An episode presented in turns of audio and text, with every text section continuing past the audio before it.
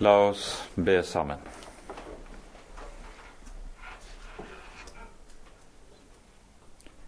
Kjære du vår Herre, du vår trofaste Gud og Far. Vi takker deg, Herre, og lover deg fordi du har sendt din Sønn inn i vår verden, gitt ham i vårt sted etter ditt evige råd. Og så, Herre, har du vitnet om ham og gitt oss livet i ham. Herre, vi ber deg, kom, send din Hellige Ånd og åpenbar dine vitnesbyrd, at vi kan bindes fast til Jesus og eie livet ved ham. Kom, Herre, du, Ta deg av hver og en av oss slik du ser vi trenger det. For Jesus skyld. Amen. Vi er altså kommet inn i det femte kapittelet, og vi vil i dag ta for oss avsnittet som går fra vers 6 til og med vers 13. Så vi leser dette avsnittet i sammenheng.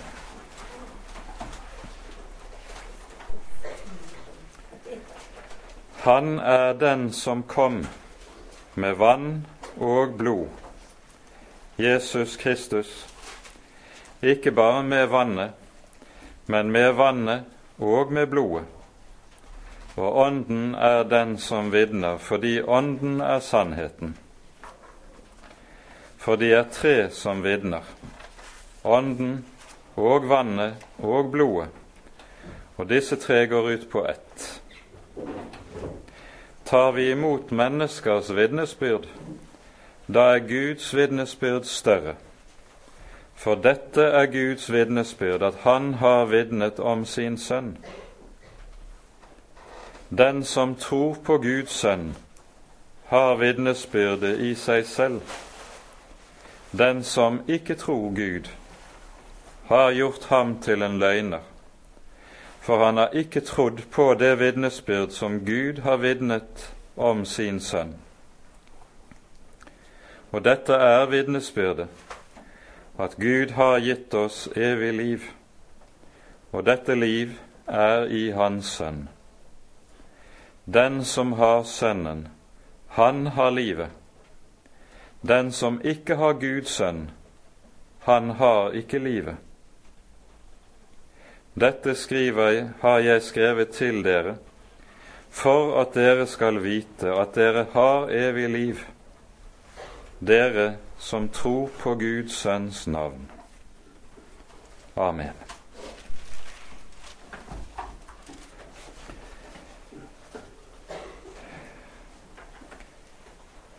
I de foregående vers så har apostelen talt om hvorledes troen på Jesus er det som seirer over verden.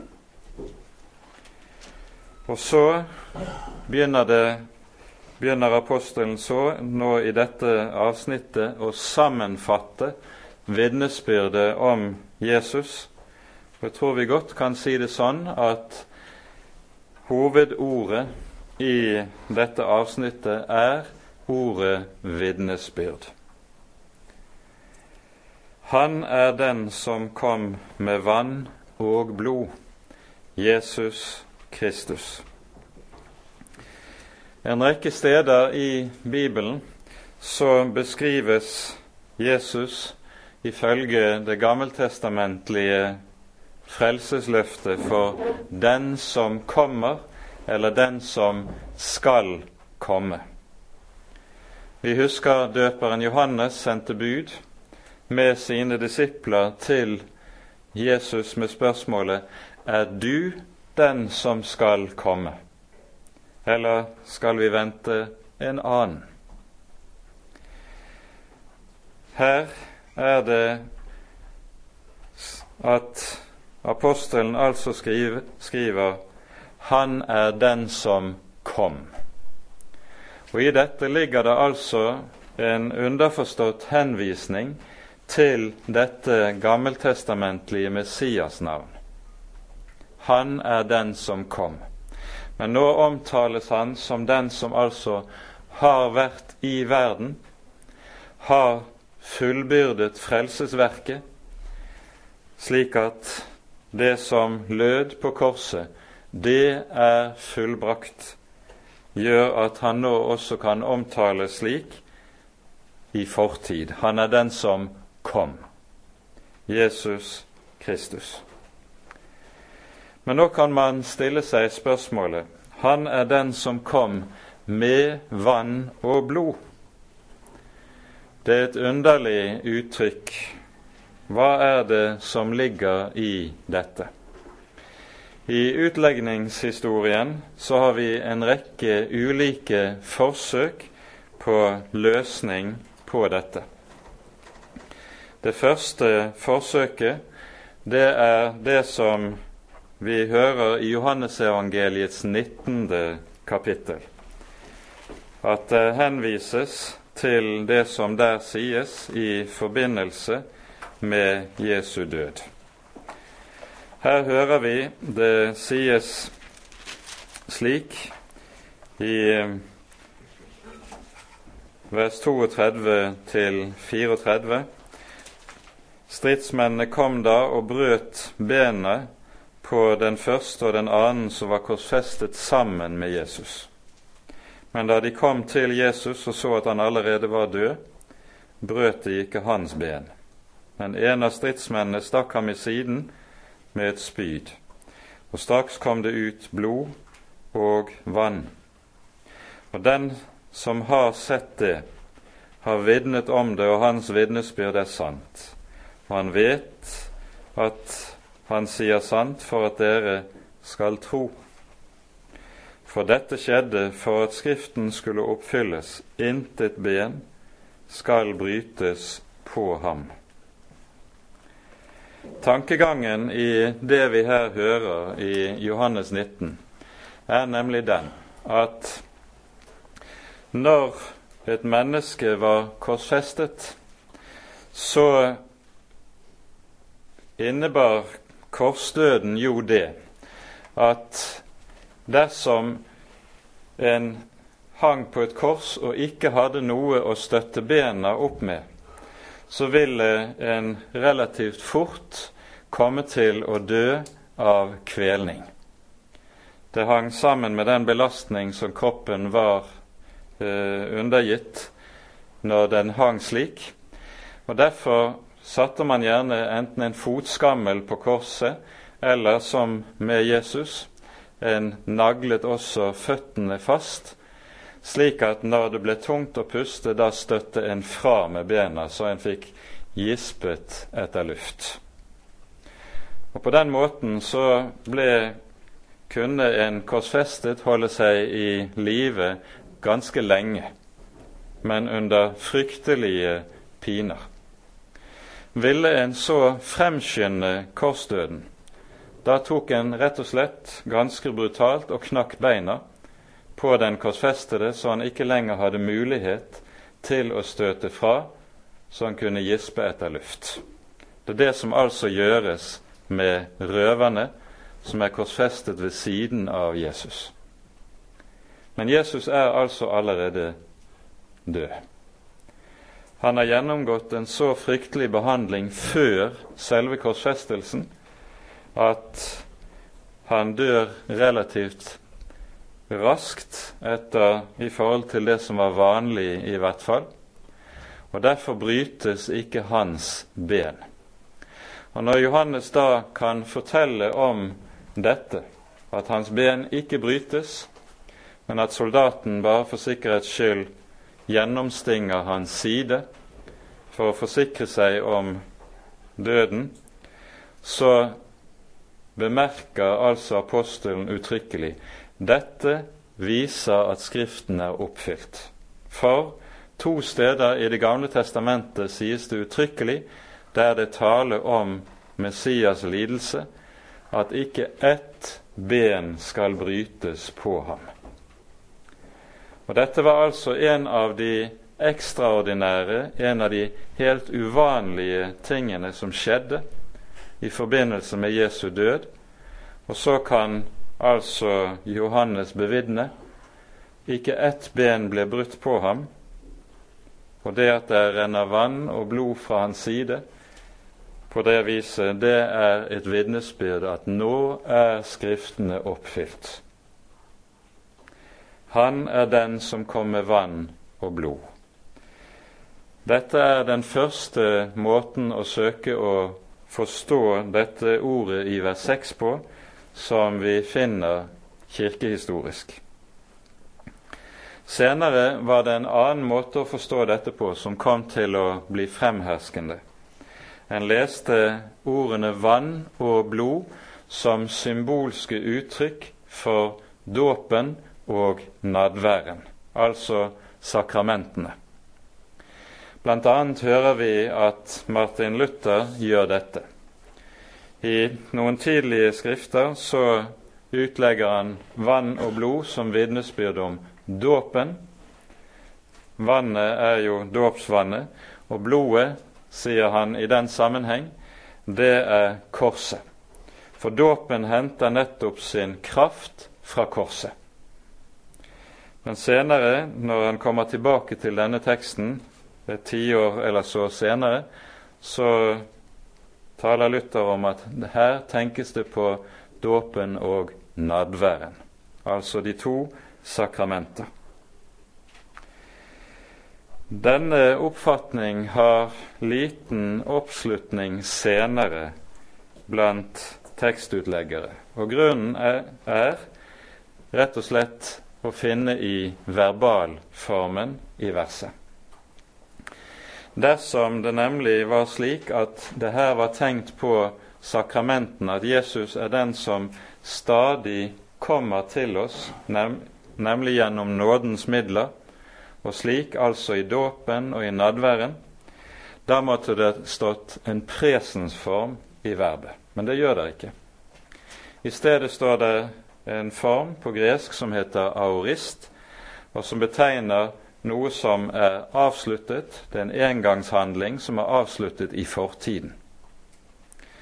Og Det som derfor er den alminnelige oppfatning, eh, også blant meget bibeltro tekstutleggere, det er at det det siktes til her, er to bestemte begivenheter i Jesu liv. Nemlig Jesu dåp og Jesu død på korset. Grunnen til at en mener dette, det ligger ikke bare i forståelsen av formen på verbet, men at hele første Johannes brev også har det med seg at det skrives i kamp mot en bestemt vranglære. Det er den gnostiske vranglæren som stadig på ny apostelen vender tilbake til og skriver imot. Og Nå vet vi at i Efesus så var det en slik viktig eller sentral gnostiker. Han het Kerint. Og det, Vi hører om denne Kerint hos kirkefaderen Ireneus. Han hadde nemlig en særlig lære om Jesu person som handlet om følgende. Kerint sier Jesus er ikke født av noen jomfru, men er på vanlig menneskelig vis sønn av Josef og Maria. Men når han blir døpt av Johannes, da kommer Kristus, som er Gud, ned over ham i en dueskikkelse og tar bolig i ham. Og så er, blir Jesus Kristus i dåpen. Og Kristus bor så i ham like til umiddelbart før hans lidelse og hans død. Da forlater Kristus ham fordi etter gnostisk, etter gresk tenkning, er det umulig at Gud både kan lide og dø. Sånn at Kristus var kun en gjest hos Jesus i en periode på tre år, og led altså ikke døden. Dette var Kerins tenkning. Det kan være nyttig å være oppmerksom på kanskje at denne måten å tenke på, den møter vi i dag igjen innen deler av New Age-religiøsiteten, der det er tale om akkurat de samme ting. Kristus tok bolig i personen Jesus og forlot ham før hans lidelse. Og fordi Kristus på denne måten er noe som bare kommer som en gjest og bor hos ham, så kan det samme skje med hvert enkelt menneske. Hvert enkelt menneske kan bli en Kristus, få Kristus bevissthet. Og dette er altså en måte å tenke på som du vil finne innenfor de retninger i nyreligiøsiteten som eh, gjerne vil si at de har en eller annen slags basis i kristen tradisjon. Men det er altså ikke noe annet enn gammel vranglære som var kjent allerede i Oldkirken. Det det handler om, altså, er da den grunnleggende fornektelse av foreningen av Gud og menneske i Kristi person.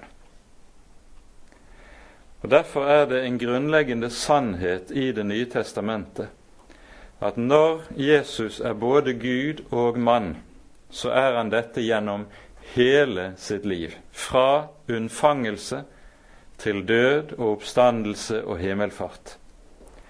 Hvilket også innebærer at når Jesus dør på korset, så er det ikke kun et menneske som dør på korset. Men i ham dør også Gud på korset til soning for menneskets synd. Han kom med vannet og blodet. Det er altså slik at det, blodet som, det vitnesbyrd som blodet avlegger, det er et vitnesbyrd om forsoningen og hvem det er som lider døden i forsoningen. Det er den levende Gud som kler seg i vårt kjød og blod, og i vårt sted lider døden. Og når ordet blod nevnes i denne sammenheng, henger det sammen med det grunnleggende at, og som apostelen tidligere har vært inne på i brevet, at han forstår og forkynner Jesu død som en død til soning.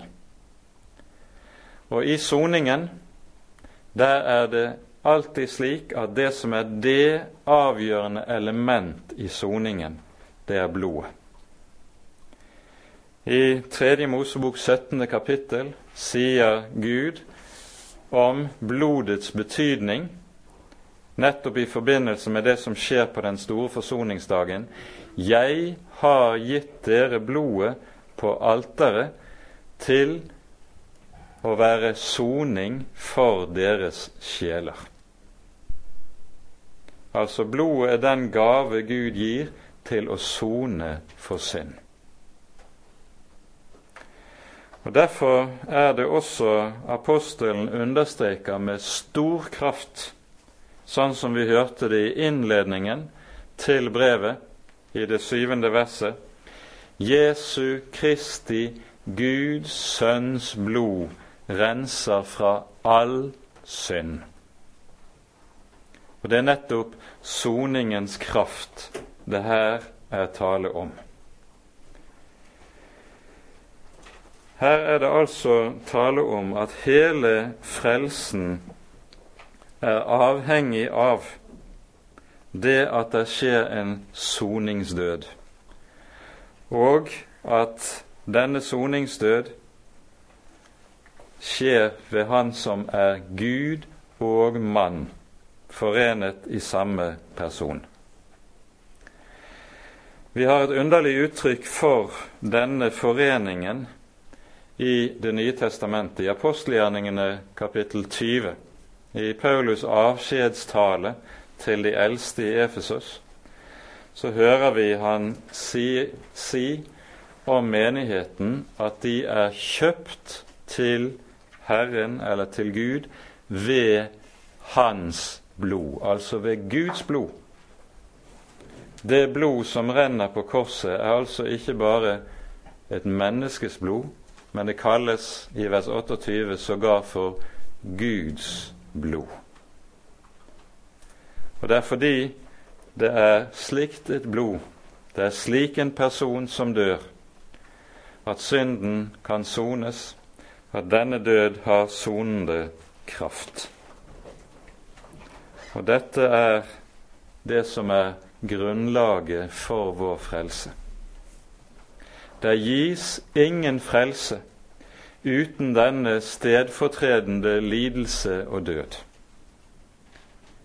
Og Samtidig er det slik Det er noe vi ser både i Oldkirken og vi ser det i nyere tid at denne stedfortredende lidelse og død stadig fornektes av den menneskelige fornuft.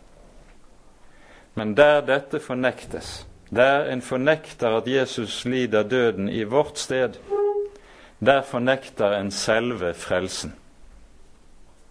Så alvorlig er dette. Og det er dette altså som apostelen understreker i vårt brev. Han er den som kom med vann og blod, Jesus Kristus. Ikke bare med vannet. Altså som Kerint sa det, at i dåpen ble han Kristus, men så opphørte han å være det før sin død. Han kom ikke bare med vannet, men med vannet og blodet som Jesus Kristus, som Gud og menneske, er det han lider døden i vårt sted og for vår skyld. Og så kommer fortsettelsen. Og Ånden er den som vitner, for Ånden er sannheten. Og Nå får vi et, altså et avsnitt foran oss der det tales om vitnesbyrdet som Gud har satt inn i vår verden. Ånden vitner om Guds sønn. Vannet og blodet vitner om Guds sønn, og ikke minst Faderen vitner om Guds sønn. Det er et trefoldig vitnesbyrd det er tale om. Et trefoldig vitnesbyrd, og bakom dette ligger den grunnleggende bibelske maksimen at enhver sak skal stå fast ved to og tre vitners ord. Og Her er det altså et trefoldig vitnesbyrd vi hører. For det første sies det altså Ånden er den som vitner. Dette er noe Jesus understreker med stor styrke når han underviser om Åndens, om talsmannens komme i sin avskjedstale i Johannesevangeliet. Siste verset i kapittel 15, der sier han slik Når han, når talsmannen kommer, sannhetens ånd, han skal vitne om meg. Og I det 16. kapittel, i det 14. vers, så samler Jesus det som er Den hellige ånds oppgave i en sum og sier Han skal herliggjøre meg, for han skal ta av mitt og forkynne dere. Og Dette er noe som vi trenger å understreke meget i våre dager. Den hellige ånd taler om, vitner om Jesus og om Jesu gjerning. I dag er det så megen tale om Den hellige ånd som drar i alle andre retninger. Der vitnesbyrdet om Kristi person trenges i bakgrunnen og blir bare en mer eller mindre uvesentlig side ved Åndens gjerning. Åndens fremste gjerning er å peke bort fra seg selv og peke på Jesu person. Han taler ikke om seg selv, han taler om Jesus. Og Derfor skal vi også vite at der Jesus blir stor, og der Jesus blir herliggjort, der evangeliet om ham blir klart for et menneske så det fatter lit, fester lit til Herren Jesus i all sin nød, der er Den hellige ånd virksom. Selv om han ikke skulle vært omtalt med en stavelse. Det er ikke nødvendig at man taler om Den hellige ånd for at Ånden skal være virksomt til stede. Men det som er nødvendig, det er at det tales om Jesus. Og tales klart om Jesus slik Bibelen taler og vitner om ham. For Åndens kall, Åndens gjerning, det er å tale om Jesus og peke på ham. For Ånden er sannheten. Ånden er, som Jesus kaller ham i Johannesevangeliet, sannhetens ånd. Løgn finnes ikke i ham. Og Derfor sies det også uttrykkelig fra Jesu munn Vær den som er av sannheten, hører min røst. Der får Ånden inngang nettopp med sitt vitnesbyrd om Kristi person. Ånden er sannheten. Det betyr helt konkret at der det læres vrangt om Kristi person, der det er vranglære, slik at Guds ord på ulike måter forvrenges eller fornektes eller underslås, der er Den hellige ånd heller ikke til stede. Hvor meget man enn roser seg av stor åndelighet, eller hva det nå måtte være. For Ånden er sannheten. Det er hovedkravet for at Den hellige ånd skal være til stede, med andre ord. Det er at det læres sant og rett ut fra Guds ord. Skjer ikke det, så går Den hellige ånd bort, og han blir vekke.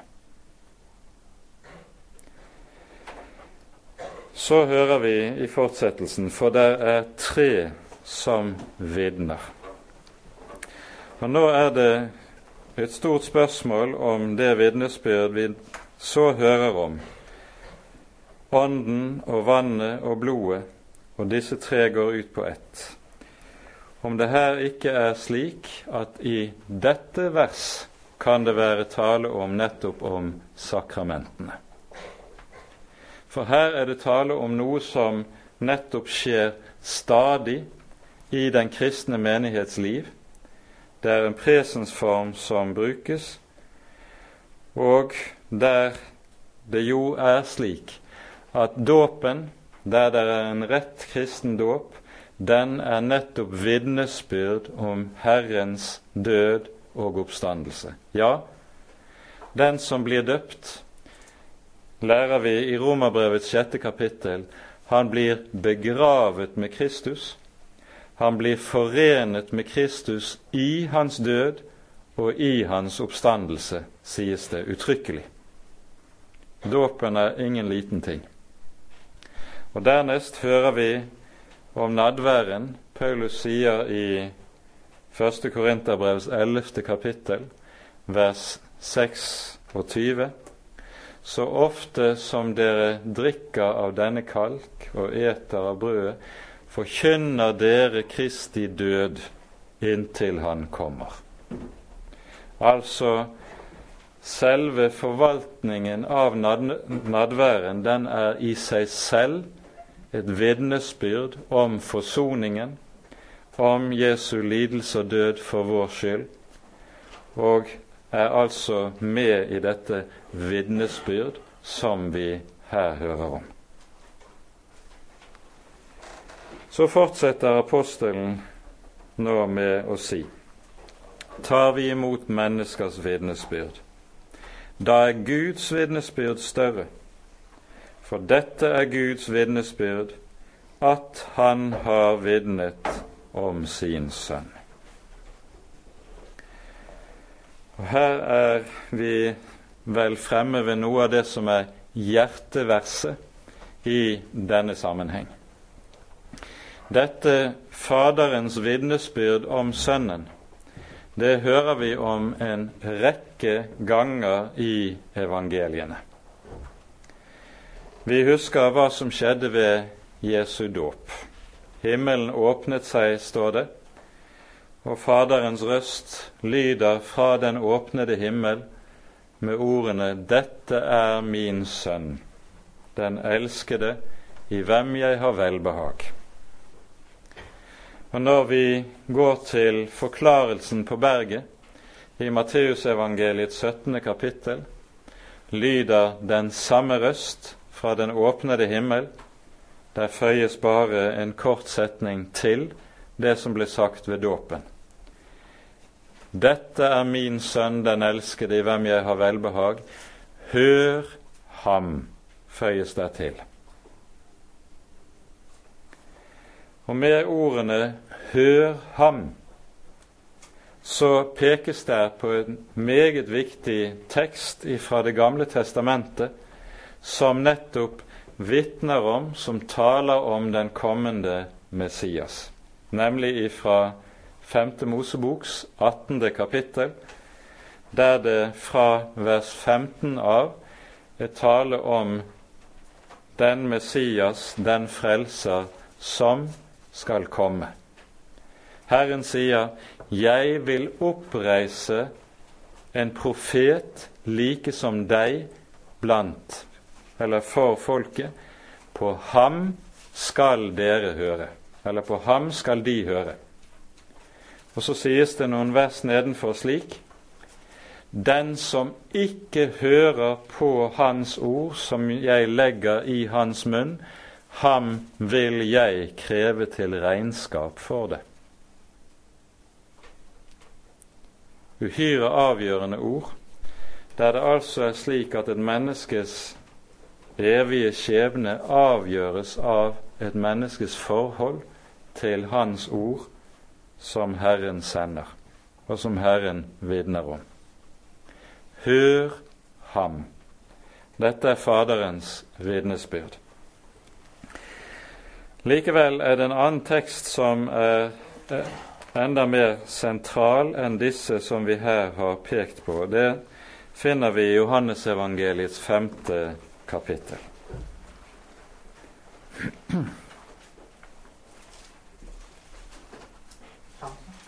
Johannes 5, og vi leser her fra vers 30.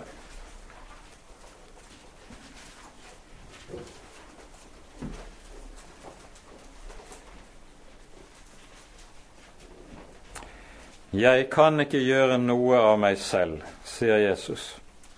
Som jeg hører, så dømmer jeg, og min dom er rettferdig, for jeg søker ikke min vilje, men Hans vilje som har sendt meg vitner jeg om meg selv, da er mitt vitnesbyrd ikke sant. Det er en annen som vitner om meg, og jeg vet at det vitnesbyrd han vitner om meg, det er sant. Dere har sendt bud til Johannes, og han har vitnet for sannheten. Jeg tar ikke imot vitnesbyrd av et menneske, men jeg sier dette for at dere skal bli frelst. Han var det brennende og skinnende lys, men dere ville bare en tid fryde dere i hans lys. Men jeg har det vitnesbyrd som er større enn det Johannes har vitnet for, de gjerninger som Faderen har gitt meg å fullføre, selve disse gjerninger som jeg gjør, de vitner om meg, at Faderen har utsendt meg. Og Faderen som har sendt meg, han har vitnet om meg. Verken har dere noensinne hørt hans røst eller sett hans skikkelse. Og hans ord har dere ikke blivende i dere, for den han har sendt, ham tror dere ikke. dere ransaker Skriftene fordi dere tenker at i dem har dere evig liv, og det er de som vitner om meg. Og dere vil ikke komme til meg for å få liv. Faderen har vitnet om sin sønn, understrekes det her, i tillegg til de andre vitnesbyrd som nevnes, nemlig fra døperen og fra Skriftene. Dette Faderens vitnesbyrd er helt fundamentalt når det gjelder den kristne tro. Det har vært vanlig tankegang i svært, svært mye moderne teologi, ikke minst den retning som vi populært kaller for den liberale teologi. At Det nye testamentets vitnesbyrd og forkynnelse om Jesu person det er det som man kaller for menighetsteologi.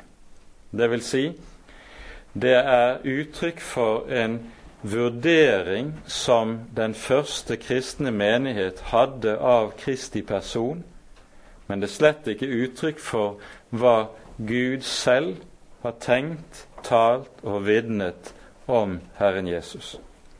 Når Det nye testamentet vitner at han er ordet fra evighet, som var hos Gud og var Gud, ordet som ble kjød, så er det ikke uttrykk for Guds vitnesbyrd om Sønnen, men for teologisk spekulasjon som, man, som utspinner seg i den kristne menigheten vel hundrede år etter at det hele utspente seg i historien. I dette ligger det altså en grunnleggende fornektelse av at Det nye testamentet gir oss en beretning om historiske kjensgjerninger, om noe som virkelig har funnet sted. Det hele er bare tar, når det brukes høyhetstitler om Jesus, og det sies han er Kristus, han er Herren, han er Guds sønn, han er menneskesønn og andre slike titler, så sier disse teologer dette bare uttrykk for hvor høyt disse første kristne satte Jesus. Men det er ikke uttrykk for hva han faktisk var. Og så fornekter man altså hele Det nye testamentets grunnleggende sannhet på denne måte. Men her understreker altså apostelen at det vitnesbyrd om Kristi person som vi bærer frem, og som han selv altså har fått bli vitne for, sekretær når han er satt til å skrive dette, det er Guds eget vitnesbyrd. Det er ikke bare menneskers vitnesbyrd. Det er ikke menneskers tenkning og tale om Kristi person. Men det er Gud selv som har vitnet om sin sønn og sagt dette er min sønn, den elskede, i hvem jeg har velbehag. Hør ham. Og det er denne overbevisningens kraft, troen på at det er Gud selv som taler og vitner om sin sønn, det er dette som bærer hele Det nye testamentets tro og forkynnelse. tar vi imot menneskers vitnesbyrd. Da er Guds vitnesbyrd større. For dette er Guds vitnesbyrd at Han har vitnet om sin sønn. Den som tror på Guds sønn, har vitnesbyrdet i seg selv. Den som ikke tror Gud, han har gjort ham til en løgner, for han har ikke trodd på det vitnesbyrd som Gud har vitnet om sin sønn. Det å ha vitnesbyrdet i seg selv,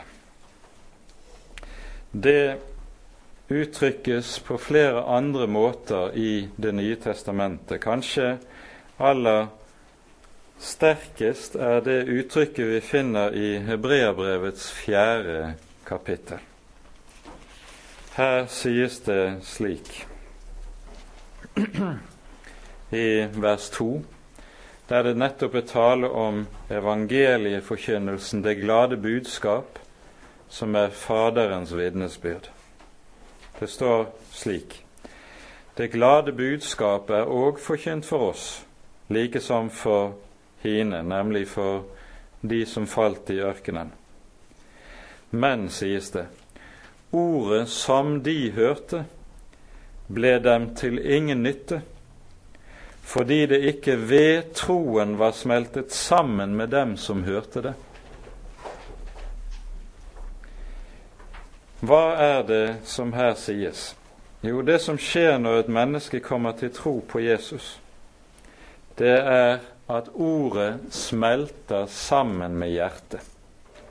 Og Her brukes det et uttrykk som er hentet fra metallurgien, det lages en legering, så å si, av to metaller.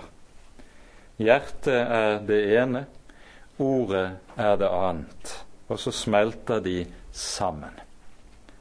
Da er vitnesbyrdet om Kristus noe som er lagt inn i et menneskes hjerte. Og dette vitnesbyrdet får formende kraft inn i et menneskes hjerteliv, og derfra til alt dets liv for øvrig. Han har vitnesbyrdet i seg selv. Fordi en kristen vet nettopp dette med seg selv. Uten Jesus kan jeg ikke leve. Han er den grunn jeg lever på, og jeg står på, og jeg også skal dø på. Han har vitnesbyrdet i seg selv. Den som ikke tror Gud, han har gjort ham til en løgner.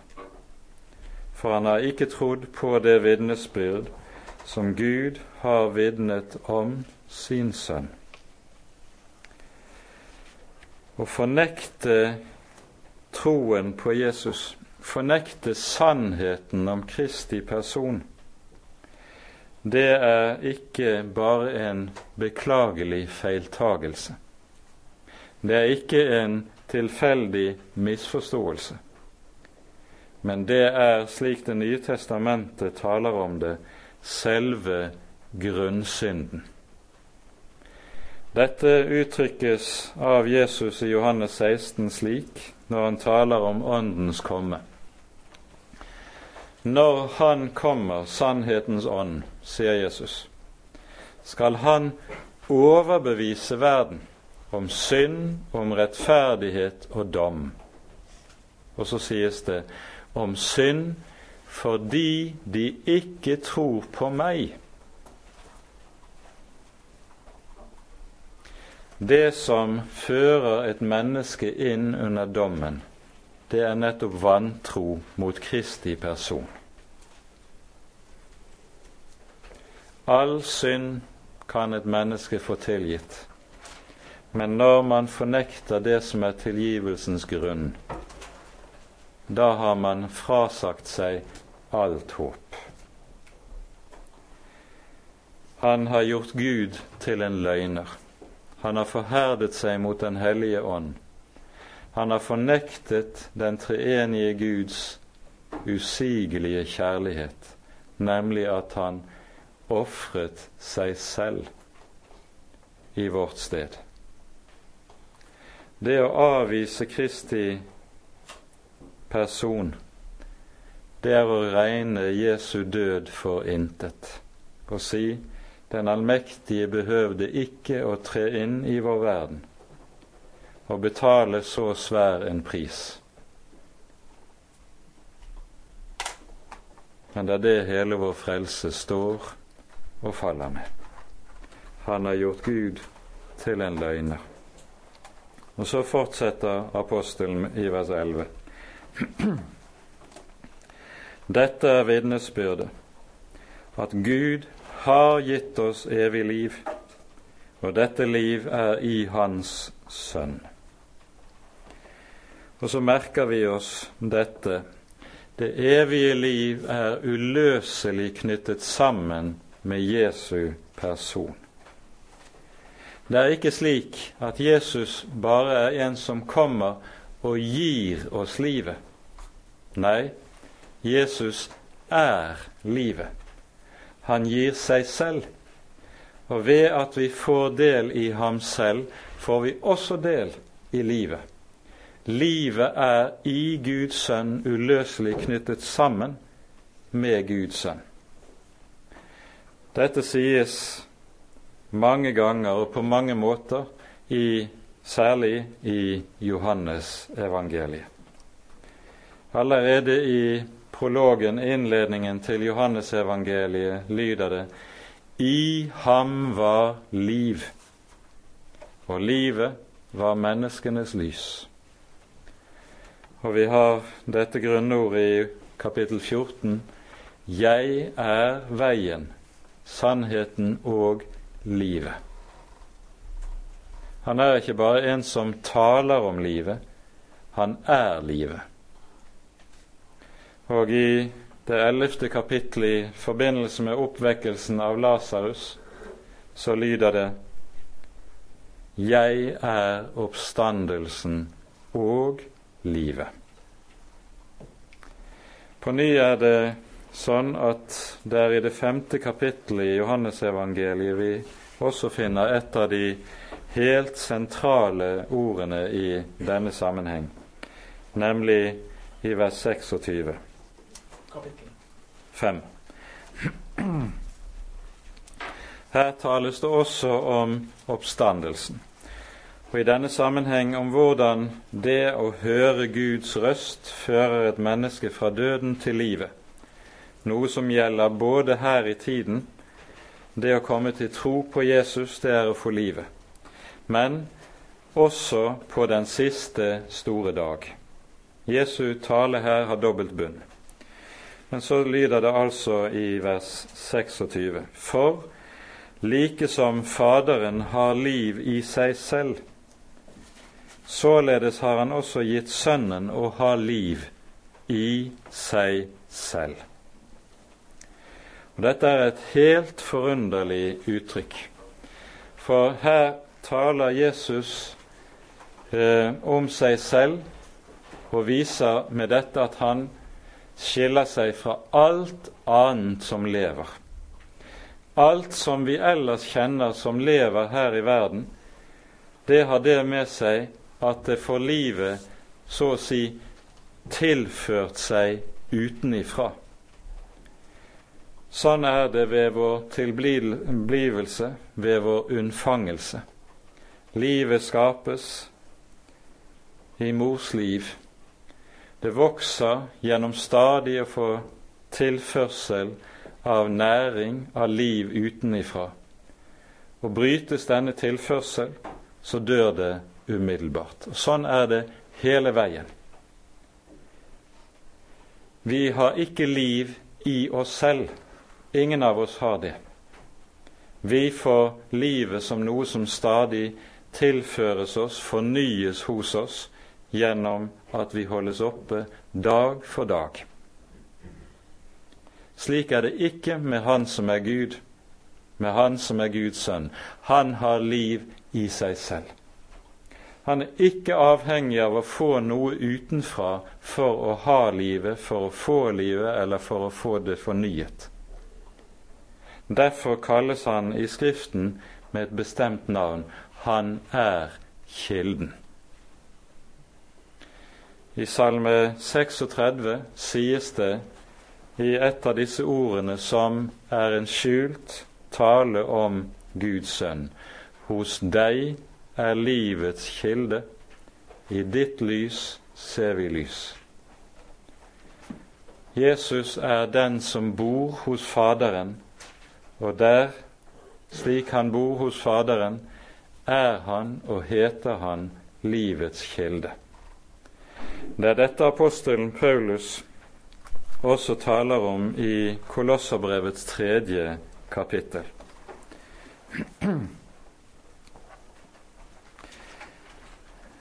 Her hører vi slik i de tre første versene. Er dere da oppreist med Kristus, da søk det som er der oppe, der Kristus sitter ved Guds høyre hånd. La deres hus stå til det som er der oppe, ikke til det som er på jorden. Dere er jo død, og deres liv er skjult med Kristus i Gud. Denne teksten er en underlig tekst på mer enn én måte, men vi skal bare peke på to viktige saker i denne sammenheng. For det første finner vi her noe av en nøkkel i møte med meget av det som er anfektelsen i et kristent menneskes liv. Det er nemlig slik at det stadig er en fristelse for oss å se inn i oss selv, lete inne i oss selv etter tegn på at vi har virkelig åndelig liv. Av og til kan vi synes, når det lykkes for oss som kristne med bibellesning og bønn eller tjenesten og kanskje seire over en og annen synd også, da tenker vi da er det liv. Men så går det galt for oss. Vi faller, vi snubler. Og så kommer anfektelsen, og så kommer anklagen. Og så gransker vi og leter i våre egne hjerter om det er spor etter sant liv, etter Guds liv, etter sann åndelighet hos oss. Og så finner vi ingenting. Nei, nettopp. Du finner ingenting når du vender blikket innover mot ditt eget hjerte. Men legg merke til det apostelen her sier. La deres hus stå til det som er der oppe, ikke til det som er her inne, altså. En kristen har ikke blikket rettet innover, han har blikket rettet oppover der Kristus sitter ved Faderens høyre hånd. Dere er jo død. Ser dere på dere selv, ser, leter dere i deres egne hjerter, så finner dere ikke annet enn død. Men deres liv er skjult. Ja, det er skjult, for du finner det ikke når du leter etter det. Det er skjult med Kristus i Gud. Han er ved Faderens høyre hånd, og Han er vårt liv. Og vi lever når vi ser ham, når vi får lov til å feste blikket på ham. Da lever vi. Det er det å være en kristen. Og dette er det altså som har en link tilbake til Salme 36, 10. Hos deg er livets kilde. I ditt lys ser vi lys når vi løfter blikket der Kristus sitter ved Faderens høyre hånd, da lever vi. Da fornyes vi i troen. Da kan vi være frimodige. For da ser vi hva det er som gjelder for Gud, nemlig Guds egen sønn. Dere er jo døde, men deres liv er skjult med Kristus i Gud. Og så handler det kristne liv helt enkelt om dette. På ny og på ny, så å si, å få øynene opp for og få øye på Han som troner ved Faderens høyre hånd, og som er vårt liv. Livet er i Kristi person, og det å være en kristen, det er å leve ved Ham. Ikke ved meg selv, og fremfor alt ikke ved loven. Jeg lever ved ham. Dette er det jo også som sies, vi var inne på det i forbindelse med gjennomgangen av kapittel 4, i det niende verset. Ved dette er Guds kjærlighet åpenbart iblant oss, at Gud har sendt sin Sønn, den enbårne, til verden, for at vi skal leve ved ham ikke ved oss selv. Livsprinsippet, det vi lever ved, det ligger ikke i vårt eget bryst, i vår egen arm, i vår egen kraft. Vi lever ved ham, ved en annen. Derfor er dette noe av det som er det helt avgjørende med tanke på alt som heter kristen frimodighet å gjøre. En kristen har ikke rettet blikket innover, men utover, eller oppover, mot Han som er Guds sønn.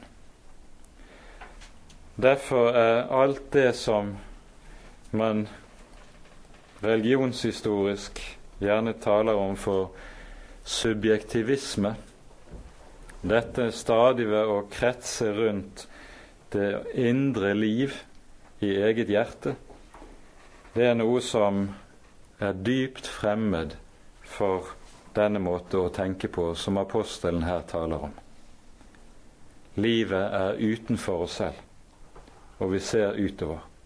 Vi ser oppover. Vi ser til det vitnesbyrd som Faderen har vitnet om Sønnen. Da lever vi, når vi får se, se ham slik som Faderen vitner om ham.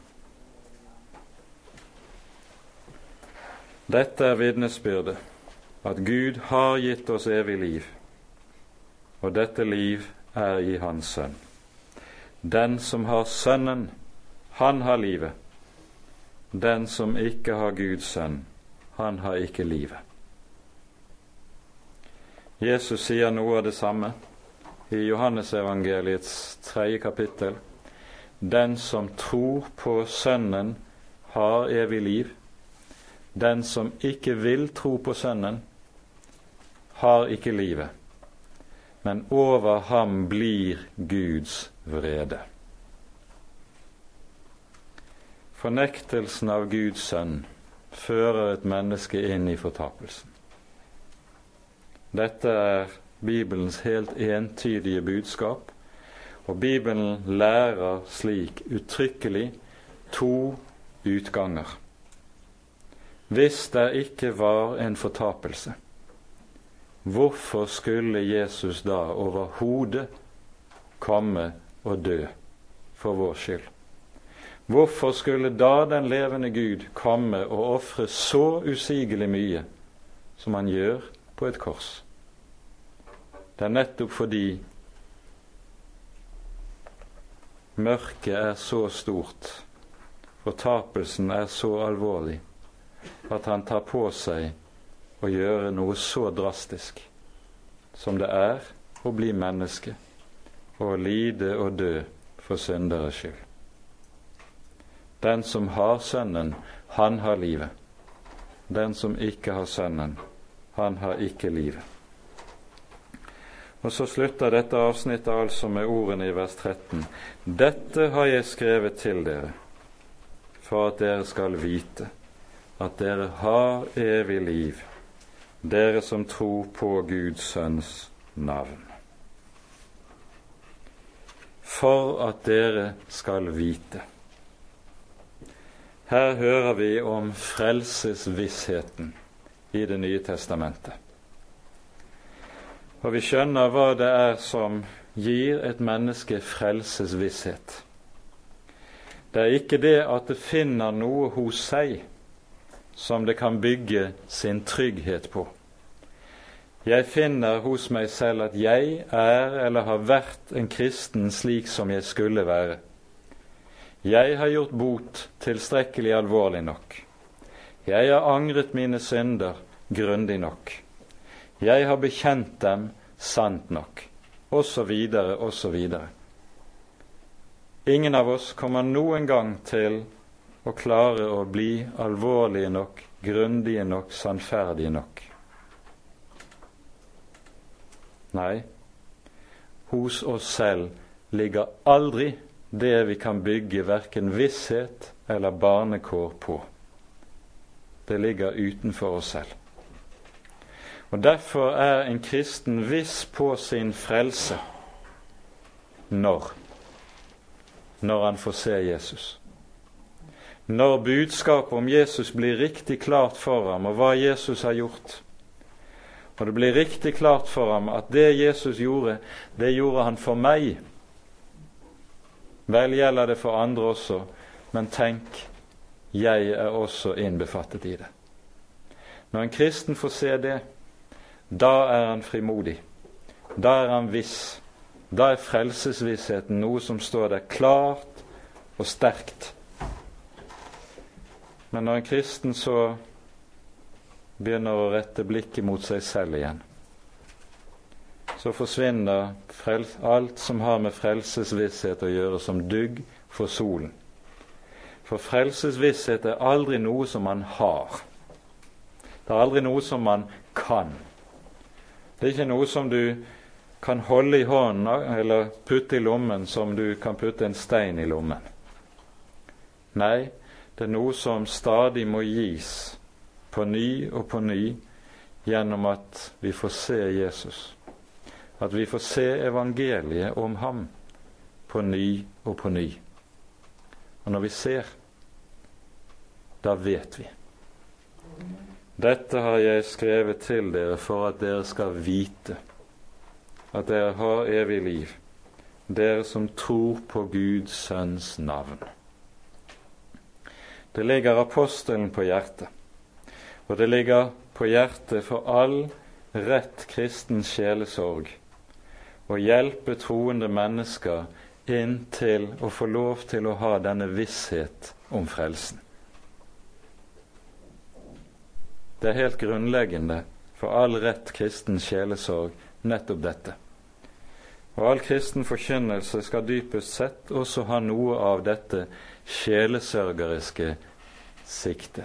Jeg har skrevet det for at det er nemlig ikke bare apostelens hensikt, dette, men det er Guds egen vilje og Guds eget hjertelag som ligger i dette. Det er den levende Gud selv som vil at vi både skal ha denne visshet og denne trygghet. For der denne trygghet er, der kan et kristent menneske stå frimodig i møte med hva det enn skulle møte i livet. Om det er død eller grav, om det er engler eller krefter. Hva det enn er, frimodig kan han vite. Når Jesus er min, så gjelder det er Gud for meg, hva kan da være imot meg? Denne frelsesvisshet har det med seg at den bærer gjennom alt annet i livet hvor tungt det kan være, hvor dype dalene enn kan gå. Det bærer dog. For den som har Guds sønn, han har alt med ham. Dette har jeg skrevet til dere for at dere skal vite at dere har evig liv, dere som tror på Guds sønns navn.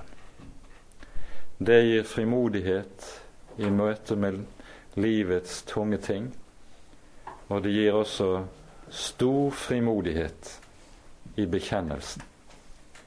En kristen kan med dette istemme Paulus sine ord i 2. Timotius brev. Jeg vet på hvem jeg tror. Frimodig, klart kan han vitne, for han kjenner sin Herre og han kjenner sin frelser. Amen. Ære være Faderen og Sønnen og Den hellige ånd, som var og er og være skal en sann Gud, høylovet i evighet. Amen.